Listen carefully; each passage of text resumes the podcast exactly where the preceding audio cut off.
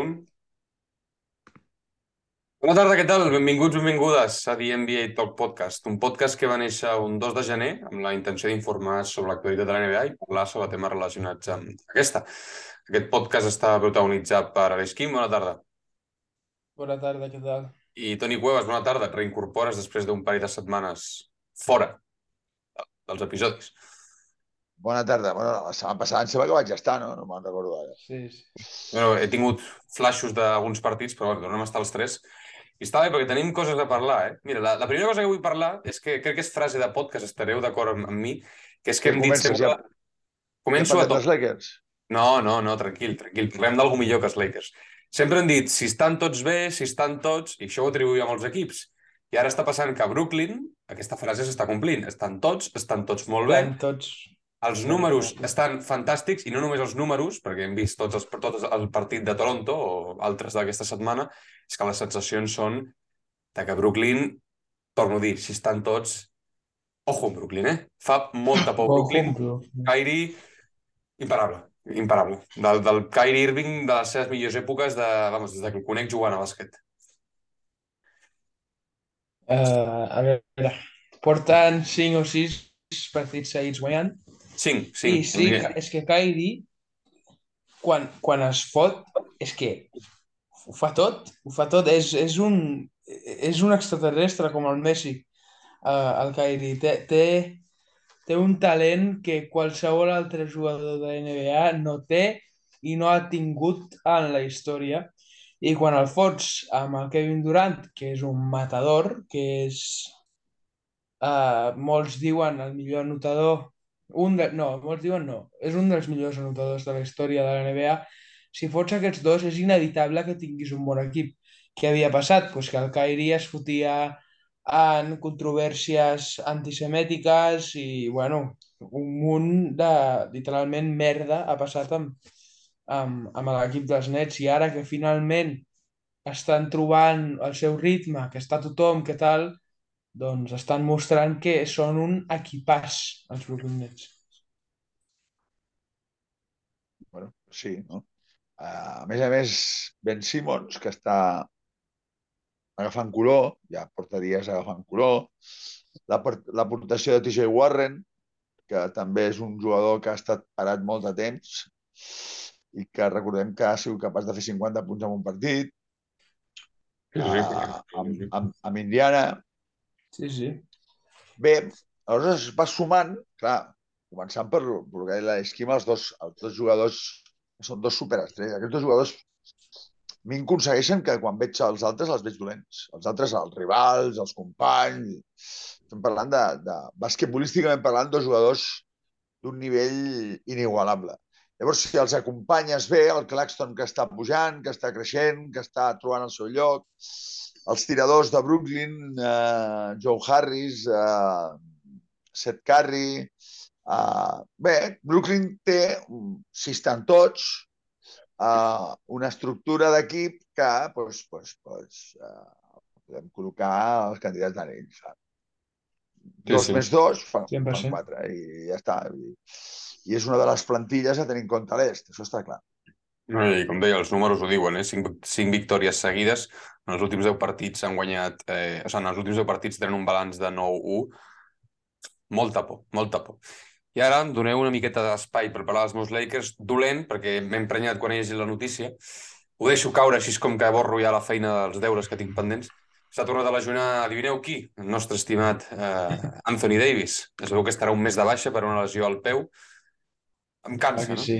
A mi em cansa molt, què voleu que us digui? Em cansa un jugador tan, tan extremadament bo. Ara que els Lakers semblava que, bueno, bueno estaven potser una miqueta ratxa, petita ratxa positiva, depèn de com ho mireu.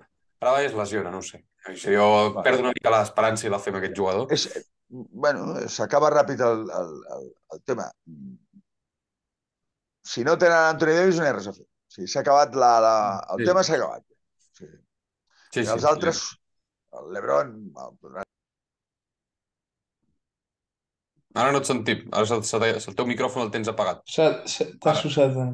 Ara, ara ja l'has tret. Exacte, segueix. si, Deies. si, no hi ha, si no hi ha Anthony Davis, els Lakers, pues, eh, els Lakers no poden fer res. Sí, sí. Va- Batem el tema aquí perquè No, és que... És que no hi ha res més a dir. Sí, sí. El, el jugador superestrella amb l'edat amb l'edat que ha d'aguantar tota la temporada. Uh, ni tan sols la millora de Russell Westbrook. Sí, que sembla que, bueno, No, no, tots aquests, al costat del, de l'Anthony Davis i el, i el LeBron, doncs, vale, però si no hi ha Anthony Davis, s'acaba la història. És com, per això passa, és com si a, a Milwaukee pues, falla eh, Middleton i, i Holiday, o falla Antetokounmpo.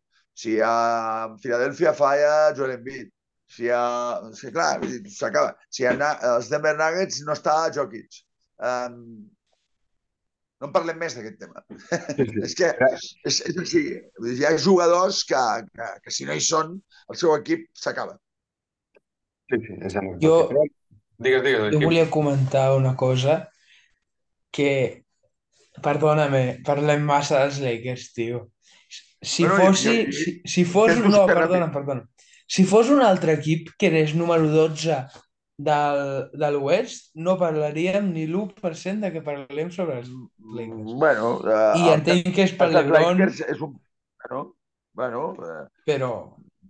el, el, comentar l'absència d'un jugador com Anthony Davis estigui on Vale, estigui. no, 100%, 100%. Això sí. Ah, Això sí. eh, dir, altres equips no els hi passa res. Vull dir, per què no parlem tant de Boston? Perquè a Boston no està passant res. Afortunadament per Boston. Si tens alguna cosa, doncs, Ah, ho hem diríem. parlat de Brooklyn molt, hem parlat molt, hem, parlem dels equips i que els Lakers últimament passen coses. Sempre han passat coses, masses coses. Bueno, des de i que han guanyat l'anell, sí. Sí, sí, sí. Sí, i em quedo amb els Lakers, però l'Esquim canvio de temàtica. Ara no, no et podràs enfadar amb mi, eh? Però recordeu que us vaig enviar la, la rutina, ho comento sobretot per la gent que ens escolta, la rutina de l'Ebron James abans de començar els partits és una rutina molt curiosa. I és arribar, si malament no recordo, 5 hores abans del, del partit i bueno, el vídeo que mostra que està a les xarxes socials de NBA, bueno, podríem dir que si no és una truita francesa i dorm una cista d'un parell d'hores, eh, no fa res més, perquè en 5 hores jo vaig al·lucinar, no sé com, ho- com ho veureu vosaltres, fa de tot gimnàs, pista, entra, surt, escalfa, deu anar al balneari, suposo. 5 hores són moltes hores, eh, abans d'un partit. Jugaven a les 7 i va arribar a les, a les uh, 2 de la tarda, eh? Déu-n'hi-do, eh?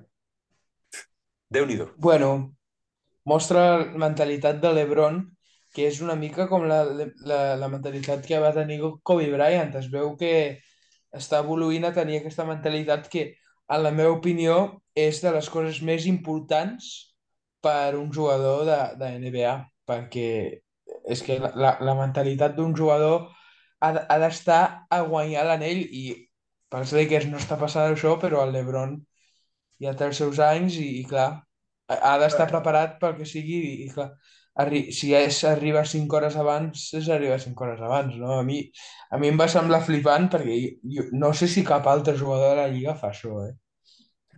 No, bueno, suposo que algun, no però... sé. Bueno, Sí. tots, tots els que arriben és- a, a aquesta edat, a aquest nivell, és que es cuiden molt i a més a més tenen una base genètica molt bèstia.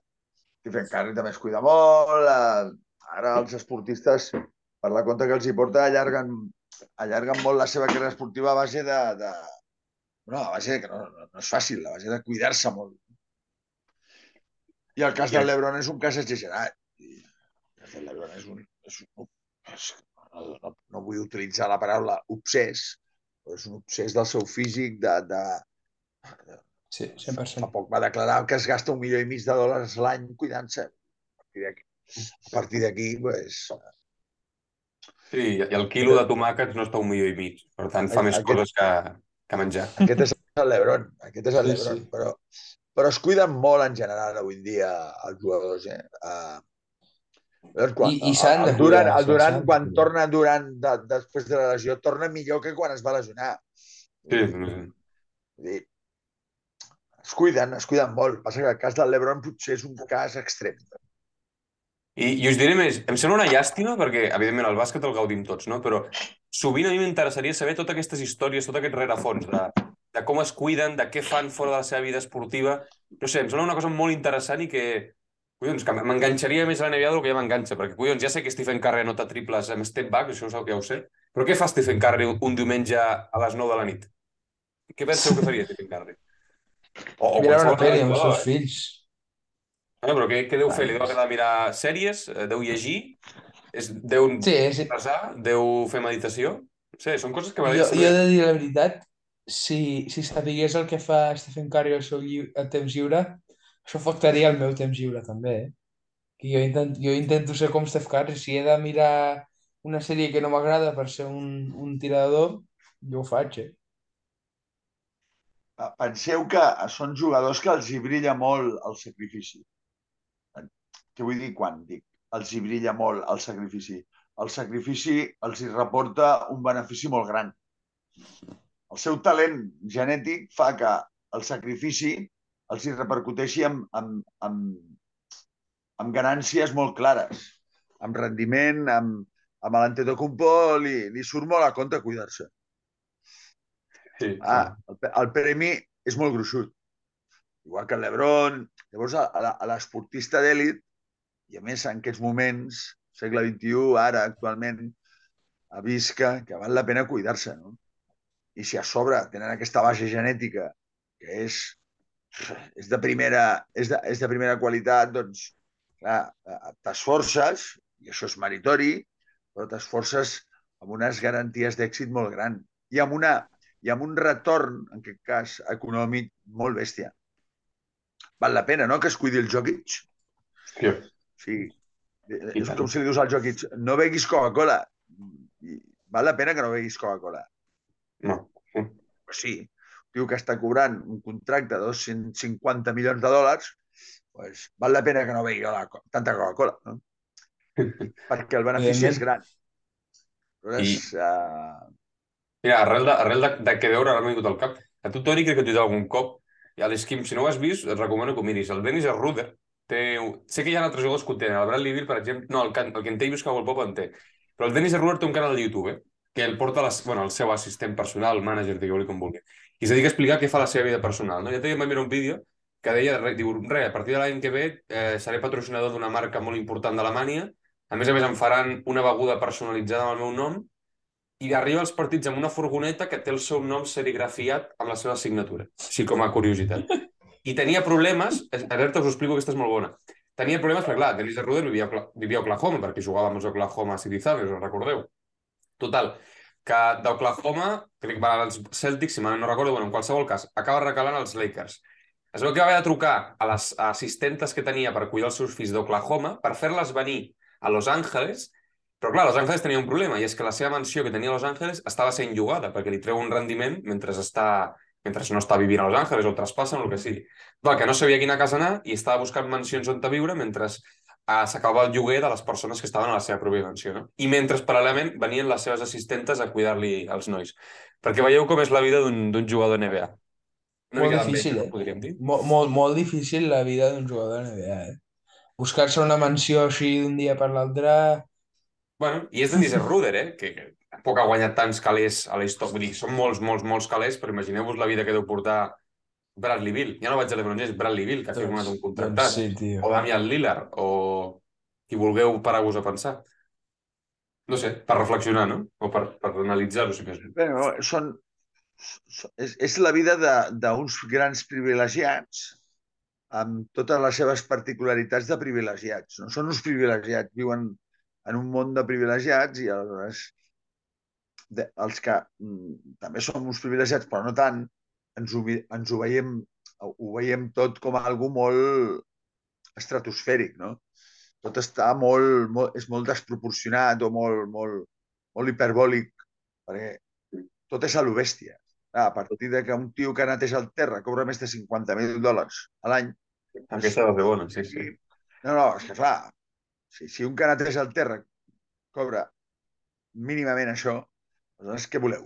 Tot l'altre és, és, és, és l'Alicia en el País de les Meravilles, no?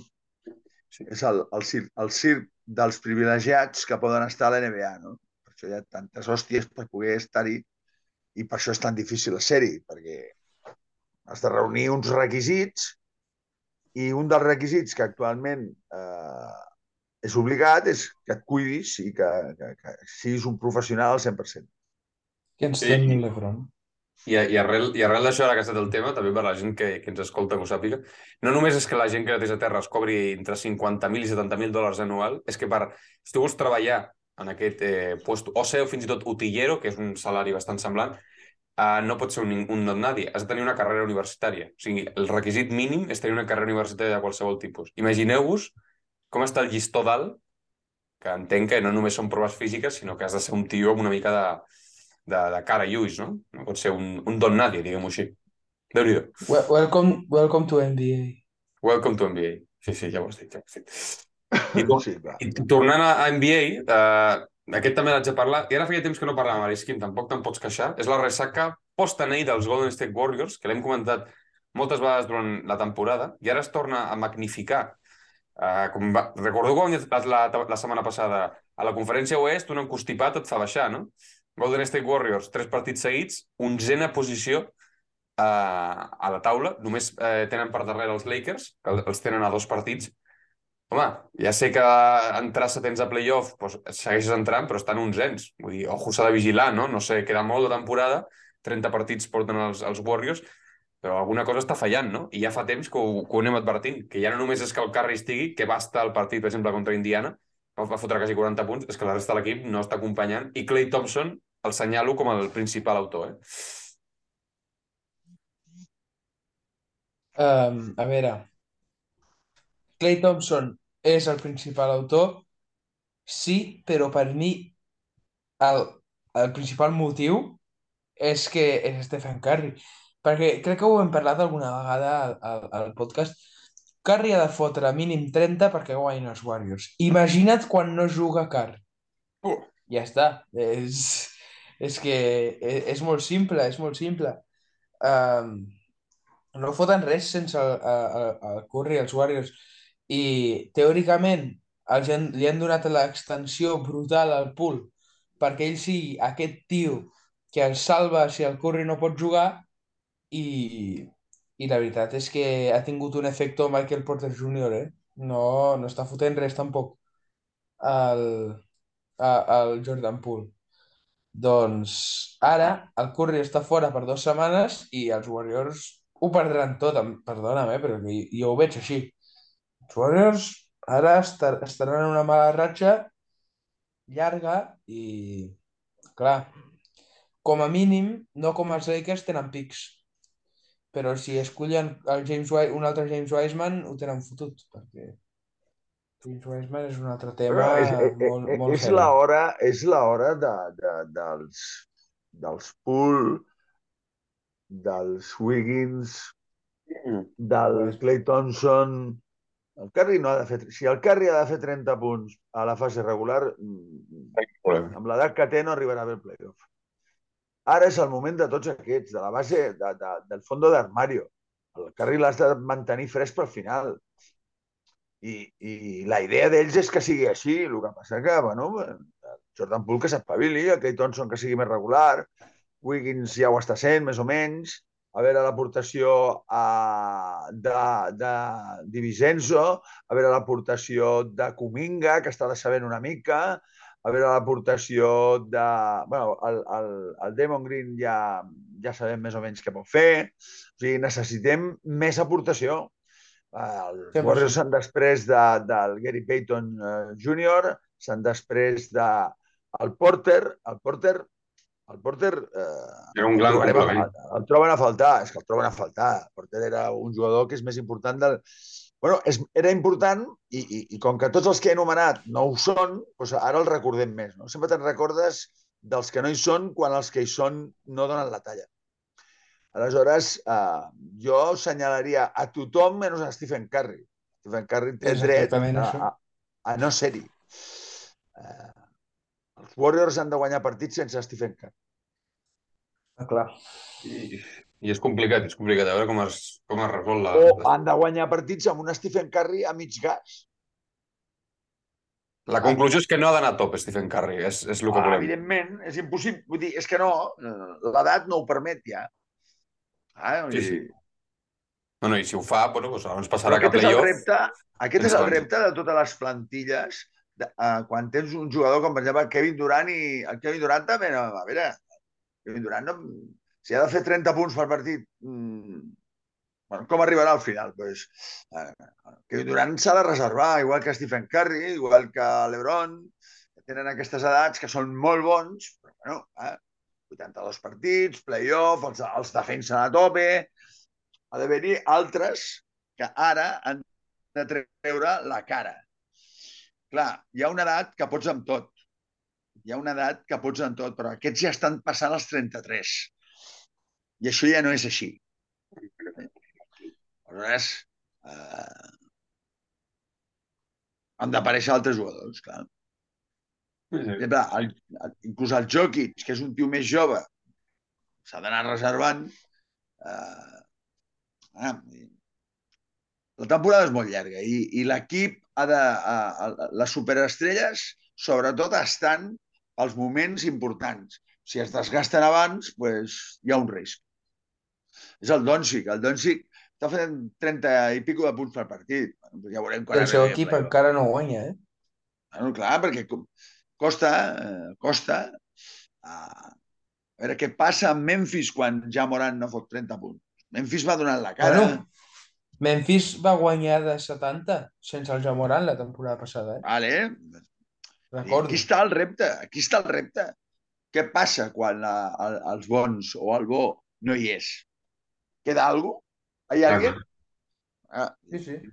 Mires a la banqueta i dius... El Jamoran, a diferència de Curry, té una edat que pot jugar 82 partits a tope i arribar a playoff. Ara té l'edat de, de puedo con todo. Ah, però és que Stephen Curry no oblidem que té 35 anys. Sí. I és, I és blanc i juga de base. També és una no cosa... és blanc, no és blanc. És xocolata amb llet. El seu pare és, és negre, la seva mare és blanca. O sigui, és pues... d'aquest format, és d'aquest format Clay Thompson, Blake Griffin, Stephen Curry, que cada vegada n'hi ha més, no? Bueno, però juga al perímetre, és el que et vull dir, que és més, és una vale, juga al perímetre, vale. Blanc és Tyler Hero que per ser l'altre dia va fotre 40 punts. Dius blanc Tyler Hero, jo també sóc blanc i no sóc com Tyler Hero, perquè tant que explica'm què, què està passant. I jo... Ah. O per exemple, ara que diem el Tyler Hero, el Jimmy Butler. Clar, Jimmy Butler que ha fet 30 punts per partit.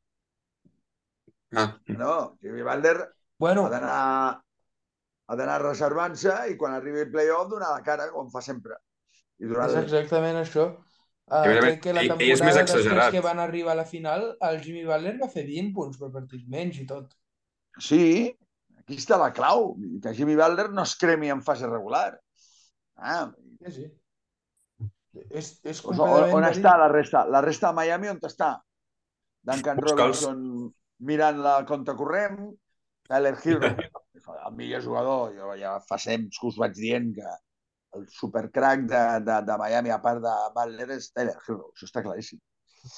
Uh, va tindre aquell any tonto perquè no sé què li va passar, tal i qual, però han apostat per ell i Tyler Hero és, és una, un supercrack. No?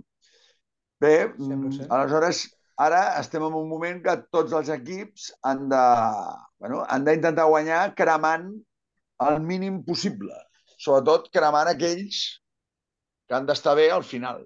Aquest és el repte. I de moment doncs, hi ha equips que no els hi està passant res o que estan passant coses i no es noten. Per exemple, Milwaukee està campeant el temporal. I molt, eh? I de manera molt exagerada. No, perquè, perquè l'edat de la plantilla encara ho permet.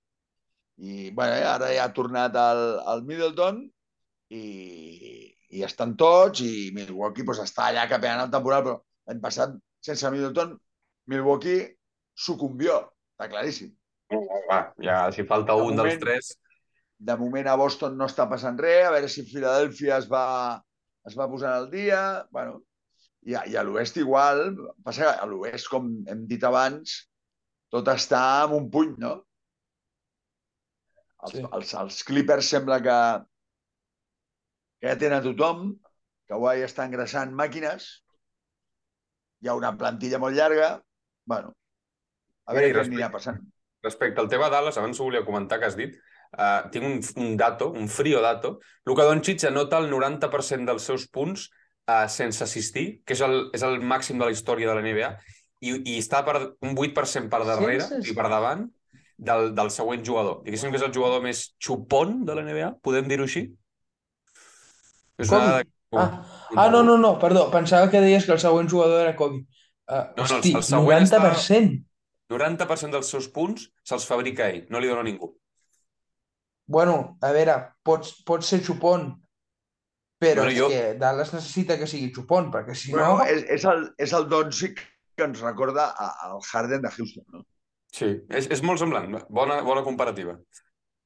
Doncs Han buscat per això, mira, que també és un tema que volia parlar, han buscat per això, que ho vam dir a l'esquí, entre fa un parell de setmanes, al mercat van fitxar Kemba Walker, perquè, clar, Sí. Luka Doncic, doncs, arrel del, del discurs que portem dient fins ara, no? que està molt bé, que amb 20 i pico d'anys pot fer això de cascar-se tots els tirs i, i jugar molts minuts, però després arriba al final sense gasolina.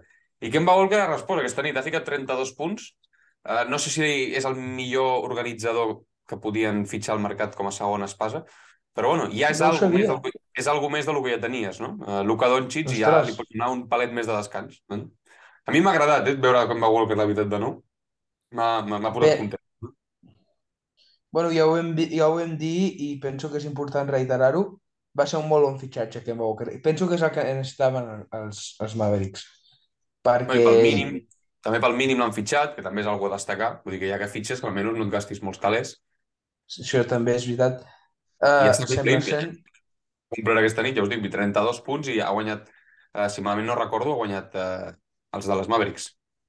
Han perdut d'un, perdona, han perdut d'un contra Cleveland, però bueno, el que va ser un partit bastant apretat, i el que us dic, eh, Kemba Walker, sense Luka van jugar, 32 punts jugant de titular.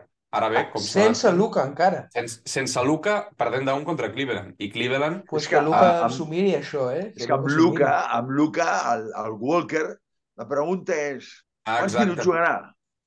aquí està la pregunta. Bona, Quants bona minuts jugarà? Vosaltres veieu a Kemba Walker i a Luka Doncic junts? I Jo penso, jo penso que, que Kemba Walker ha de ser el jugador que millora aquest 90% a un 70%. Sí, però és capaç de fer-ho. El, el, el, joc del Luka Doncic És capaç de fer-ho. Jo no penso és que un és joc de per rebre assistències i anotar. Exacte. És que jo, ja, no és, jo no ho veig per culpa de, de Kemba, ho veig per culpa de Doncic. O sigui, Kemba pot assistir, però Luka no pot Kemba Walker no ha vingut a donar una mica més de descans al Doncic de qualitat, però no jugaran junts. No, no, Per no, aquests 30 punts només els podrà fer quan no jugui Doncic. I, I també està per veure que els encistell a playoff. Una altra cosa és important, clar. O sigui, a mi, quan parlem d'un jugador, la incorporació d'un jugador, el que em preocupa és amb què millora l'equip, en què millora el potencial de l'equip. Kemba Walker li pot donar més minuts de descans a, a, a Luka Doncic? Sí. I Sí. això què? I això què vol dir? Bueno, Què en voldrà? principi, dir? en principi, en En principi han de notar, ha de notar més. Jo Bueno. dic el que vam pensar a Dallas. Bueno, La banqueta ha d'haver-hi més punts de banqueta. a veure, jo a Dallas continuo veient que falta coses. No? A mi veure el, el Maxi Clever i el Powell per allà pol·lulant, doncs, el, el Hardaway, que és irregular, el, el Christian Wood, que encara no tenim clar, mm, el paper no és titular, eh, surt de la banqueta. El, hòstia, jo, Dallas em, em, em, em trontolla per diverses bandes. No? I, En i sèrio? l'aparició de Kemba Walker, vale, sí, voldrà dir més, jo, jo ho interpreto com més descans per Luka Doncic. Bueno, vale. Sí, a Vale. veure com... el- La, la nota la Dinwiddie, posarem a- final. Kemba Walker. Bueno, ma ma- malament no anirà, malament no anirà, això està clar. Malament no li anirà de les Kemba Walker, però tampoc veig eh, una millora mm, mm, coral massa bèstia. Bueno, um, jo, par parlant sobre Christian Wood, jo pensava que faria un superimpacte, Christian Wood, que faria el que no va fer Porzingis i en realitat està fent el que va fer Porzingis, Sí, Christian Wood. O inclús un palet menys, m'atreviria a i dir. menys, i menys, sí. Doncs sí, De fet, sí. perdoneu que us digui que estem, ara estic veient el Porzingis de Washington El i jo, una Porzingis de de Washington. que critica... Parlem de Washington. De, de Una de les coses que criticava del Porzingis de Dallas és que no jugava mai d'esquena a bàsquet. I estic veient el Porzingis de Washington demanant-la constantment d'esquena a bàsquet. L'entrenador de Washington li diu, mira, nen, tu m'ha deixes 2-22. Només que et giris i tiris a taulell. Aleshores, el Porzingis de Washington m'està agradant. Però mm, males notícies, eh? No li està anant molt bé a Washington, eh? Està jugant bé d'esquena, Vale. però no... Vull dir que algú està fallant, eh? Washington, Washington, Washington eh, bueno, Bradley Bill ha, ha deixat de notar aquells 30 punts per partit. Um, bueno, Kuzma no acaba de ser més sòlid. Washington, és això, li costa guanyar, sí, sí, està claríssim. No, Al final, nou partits si seguits teu perduts, equip- tu i jo. quan? Nou partits seguits perduts, eh? Sí, pues, eh, imagina't. Washington. Washington. Sí, però, però, perdoneu-me no una cosa, per, per, perdoneu una cosa, és que, és que la cosa que està xunga, millors. eh? És No, no, que sí, que- És que, la, és que la cosa està xunga, eh? Sí, sí. Aquí molt ningú- xunga la cosa. eh? És que la cosa és molt difícil, eh? Sí, sí, jo Repasseu soc els l'est. Washington. Adiós Bradley Bill, d'una vegada. Perdona, és una llegenda del club, molt bé, però... Bueno, però ara no, ara ja li han No- fotut no un func- no contracte de per vida, li han donat les claus de la ciutat. Exacte. Ara té accés a, a la Casa Blanca fins als lavabos del president. Eh, Bradley Bill a, a Washington s'ha s'ha- s'ha van- s'ha- s'ha- s'ha- s'ha Sí, sí, sí, sí. Jo ja m'imagino l'expressió que anaves a fer servir. Ara estàs congelat, però l'expressió me l'imagino. Ens ha congelat, anava a dir... Bueno, és que... Bueno, era això el que dèiem, no? Que simplement que Bradley Bill, pues, que, que jo estic d'acord, Arisquim, que el traspàs és una opció. Però clar, eh, on te traspasses un tio que està cobrant 40 llargs milions la temporada? Ja t'ho dic jo, a Sacramento ha d'anar Bradley a New York, tens a, tens a, a, a- a Miami, tens a Filadèlfia. És molt difícil, tothom vol guanyar. Tens a Cleveland que no et deixarà res. O sigui, els mateixos Bulls no s'estan menjant un torrat. I tenen un equip... Sí, sí, sí. sí, Sí, sí. otra vez. Ara se'ns talla, el, el, perdem el Toni constantment. El Toni se'ns, el, el perdem, exacte. Però sí, no, ha d'anar un equip que ara està número 6, 5 o de 8, de, de 8 a 4, que diria. Un equip que està por ahí per tornar-lo a un equip que anirà primer, jo penso. Això Bueno. és el que ha de fer Bradley. Bueno, clar, és que també el que deia el Toni ara, no? Nova York està pujant, Nova York porta sis partits seguits guanyats i fa, que feia, fa una setmana que dèiem, portava Clar. ratxes de, de, de set, Clar. vull dir que, que ha, la, la, cosa, la cosa fluctua molt, hi ha equips que avui sí i demà no. Fluctua i, i, i, i el nivell és molt alt. Ah, aquí... uf, Que costa molt. Costa molt. Les plantilles estan molt bé. A l'est i a l'oest. Bueno, i, se- I el propi Charlotte, no recordeu Charlotte fa una temporada o, un, o dues que estava a Nadal, que dèiem, ens agrada molt Miles Bridges, un encostipat, pim-pam fuego, i, i mira, últims, últims de l'est, eh? Vull dir que, Ah, Miles Bridges, tio. Sense Miles donar-vos-en. Bridges. que estan a Ah. baix de tot, ja. Un constipat, no? I, i, i te'n vas, eh? Això Clar. és l'NBA, això no és una Clar. lliga de, de passo que t'emboli. Aquí està la gràcia. Doncs sí. Aquí està la gràcia. Sí, sí, i així és, així és. I bueno, doncs hem repassat una miqueta tota la, tota la lliga, tota de dalt a baix, no? Ja et dic, la setmana Sí. que ve és tan divertit que ens pot passar que potser els Lakers vagin setens, que els Golden State vagin quarts, hi ha tanta poca diferència de partits. Així que ho anirem comentant aquí a The NBA pel podcast. Uh, Toni Cuevas, gràcies senyor. per acompanyar-me. Moltes gràcies a tots. I a l'Esquim també. Uh, gràcies per, per acompanyar-nos una tarda més. Moltes gràcies als dos. I ens escoltem la setmana vinent. Una abraçada i adeu.